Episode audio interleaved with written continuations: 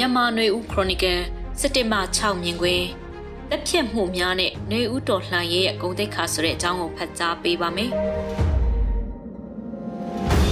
အင်္ဂါရင်းနယ်ပေမှာတော်လှန်ရေးဆိုတဲ့စကားလုံးကတိုးတက်တဲ့သဘောအတိတ်ပဲမကောင်းတဲ့အစိတ်ပိုင်းကိုပြုတ်ပြင်းတာဝမ်းမှန်တာဖာထေးတာမျိုးမဟုတ်ပဲမကောင်းတဲ့စနစ်ကိုအခြေမြင့်မှစပြီးပြောင်းလဲတဲ့အဖြစ်ပြက်ကြိုးပမ်းမှုကိုခေါ်ဆိုတာဖြစ်ပါတယ်။ အထူးသဖြင့်နိုင်ငံရေးစနစ်စီးပွားရေးနဲ့လူမှုရေးအတွေးခေါ်တွေကိုအခြေအမြစ်ကစပြီးဖေရှားပြောင်းလဲတဲ့အတိတ်ပဲဖြစ်ပါတယ်။တမိုင်းမှာပရိသရစ်စနစ်ကနေ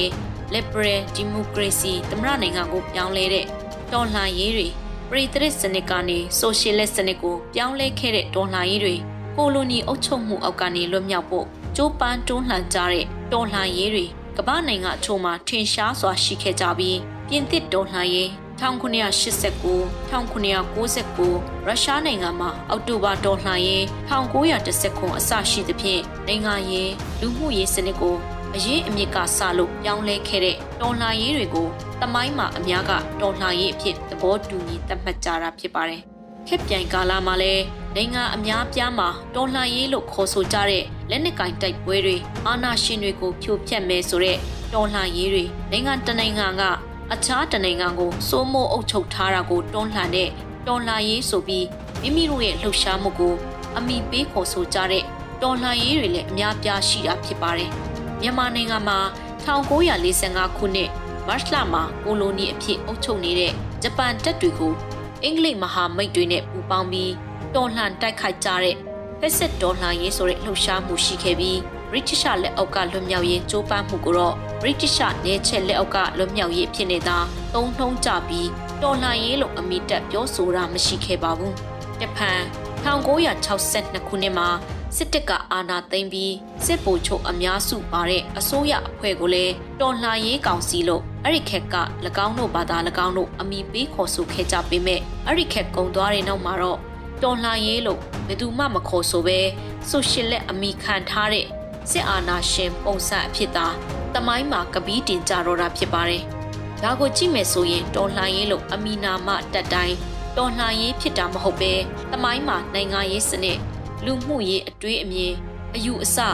လူမှုစီးပွားရေးစနစ်တွေကိုအခြေခံကစလို့ပြောင်းလဲဖို့ဆန္ဒလည်းရှိရီမန်းချက်ပန်းနိုင်အဖြစ်ထားကအကောင့်ထဲလဲပေါ်မှသားလေတော်လှန်ရေးအဖြစ်နဲ့တမိုင်းမှာမှတ်တမ်းတင်ကြမှာဖြစ်ပါတယ်။ တော်လှန်ရေးဆိုတာကအမိပေးသတ်မှတ်တိုင်းတော်လှန်ရေးလို့အများကတမိုင်းကသတ်မှတ်လက်ခံကြတာမျိုးမဟုတ်ပဲအခြေအမြစ်ကစပြောင်းလဲမှုရှိချင်းမရှိချင်းတမိုင်းအရာနိုင်ငံရေးလူမှုရေးစီးပွားရေးစနစ်တွေမှာတိုးတက်ပြောင်းလဲမှုရှိတဲ့တိုးတက်ပြောင်းလဲတဲ့အယူအဆအတွေးခေါ်လက်တွေ့ကျင့်သုံးမှုတွေကိုမှတ်ကြောက်တင်တဲ့အချိန်ခါမှာတမိုင်းကဒေါ်လာရေးလို့မှတ်တမ်းတင်ကြတာဖြစ်ပါတယ် အခုလက်ရှိမြန်မာနိုင်ငံရဲ့ဝေဦးတော်လှန်ရေးဟာစစ်အာဏာရှင်စနစ်ကိုအရေးအမြင့်မှဖယ်ရှားဖို့လူမှုရေးအမြင်ဟောင်းတွေအယူအဆဟောင်းတွေကို အမြင့်မှစပြီးပြောင်းလဲပစ်ဖို့ရမှာ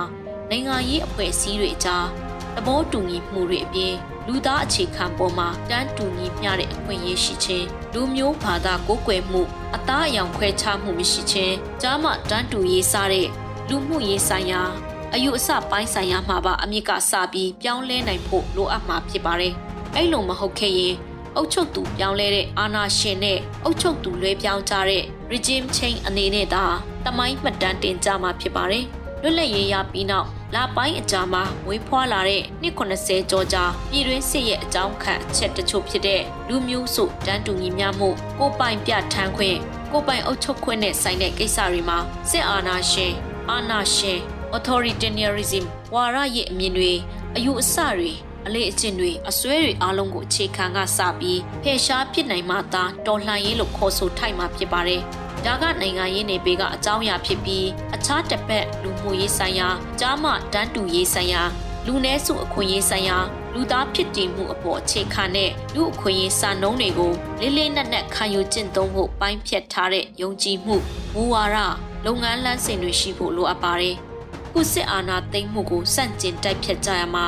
စစ်ပွဲအတွင်းလက်နက်ကင်အဖွဲ့ချင်းချင်းအကြားတိုက်ပွဲတွေမှာတေဆုံးကြတဲ့အဖြစ်အပျက်တွေမပါဘဲအရက်သားလို့ရေဘူးရတတ်မှတ်ကြတဲ့သူတွေကိုစစ်ကောင်စီကတပ်ဖြတ်တာတခါစစ်ကောင်စီတောက်တိုင်းတရင်ပေးဆိုတဲ့သူတွေကိုစစ်ကောင်စီစန့်ကျင်တဲ့အင်အားစုတွေကတပ်ဖြတ်တာတွေရဲ့ဂိမ်းကနန်းတွေကလွတ်လပ်ရေးရပြီးနောက်မြန်မာနိုင်ငံတမိုင်းမှာဣရိယာအကျယ်ပြန့်ဆုံးတဲ့အများဆုံးသောဂိမ်းကနန်းတွေဖြစ်ကောင်းဖြစ်နိုင်ပါတယ် မြန်မာစစ်တပ်အနေနဲ့လက်နက်ကင်ပုံကန်မှုကိုချေမုံရေးဆိုတဲ့ခေါင်းစဉ်အောက်မှာ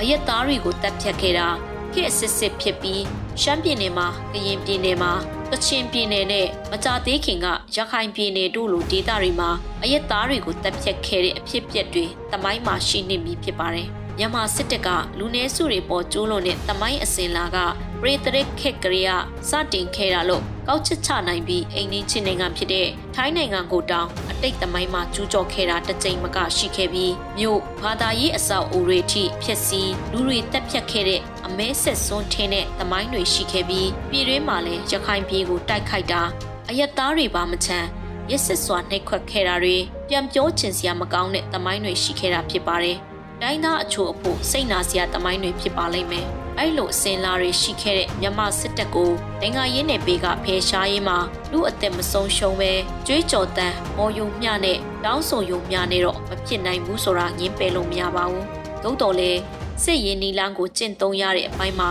လက်နက်ကင်တပ်ဖွဲ့ချင်းချင်းတိုက်ခိုက်မှုတွေမှာတေဆုံးမှုတွေရှိကြမှာတဘာဝမို့လို့လက်နက်ကင်တပ်ဖွဲ့တွေလိုက်နာရတဲ့နိုင်ငံတကာစီမင်းစည်းကမ်းတွေထိတွေ့တက်ခိုက်မှုမှာကျင့်သုံးရမယ့်စီမင်းတွေလိုက်နာဖို့လိုအပ်တယ်လို့ အယက်သားတွေလို့တတ်မှတ်သူတွေကိုဘယ်လိုပြုတ်မှုရမယ်ဆိုတာတွေတိတိကျကျလိုက်နာသင့်ပါတယ်စစ်ကောင်စီတောက်တိုင်လို့အရင်ခက်ကပြောဆိုခေါ်ဝေါ်တဲ့သူတွေကိုလောက်ကျန်တပ်ဖြတ်တာတွေမှသာအာတန်ပြီးမြို့တွေမှာပောက်ကွဲမှုနဲ့လောက်ကျန်တပ်ဖြတ်မှုတွေကလက်နက်ကင်မဟုတ်တဲ့လွယ်ကူတဲ့ပြစ်ပတ်တွေကိုလုပ်တဲ့သဘောဖြစ်ပြီးချိန်ကြာလာသည့်နဲ့မျှရွေဦးတော်လှန်ရေးရဲ့ဂုံတရင်ကိုထိပါစေမှာဖြစ်ပါတယ်။ အဲ့လိုပြစ်မှတ်ထားခံရသူတွေအထက် CTM လုပ်တဲ့ပညာရေးဝန်ထမ်းတွေအချို့သောဌာနဝန်ထမ်းတွေရက်ကွက်အဆောက်အုံအဆင့်အုပ်ချုပ်ရေးရန်ရာကခွေးသွားစိတ်တပွဲဖြစ်တဲ့ရာအိမ်မှုရက်ကြီးအုပ်ချုပ်ရေးမှုတွေ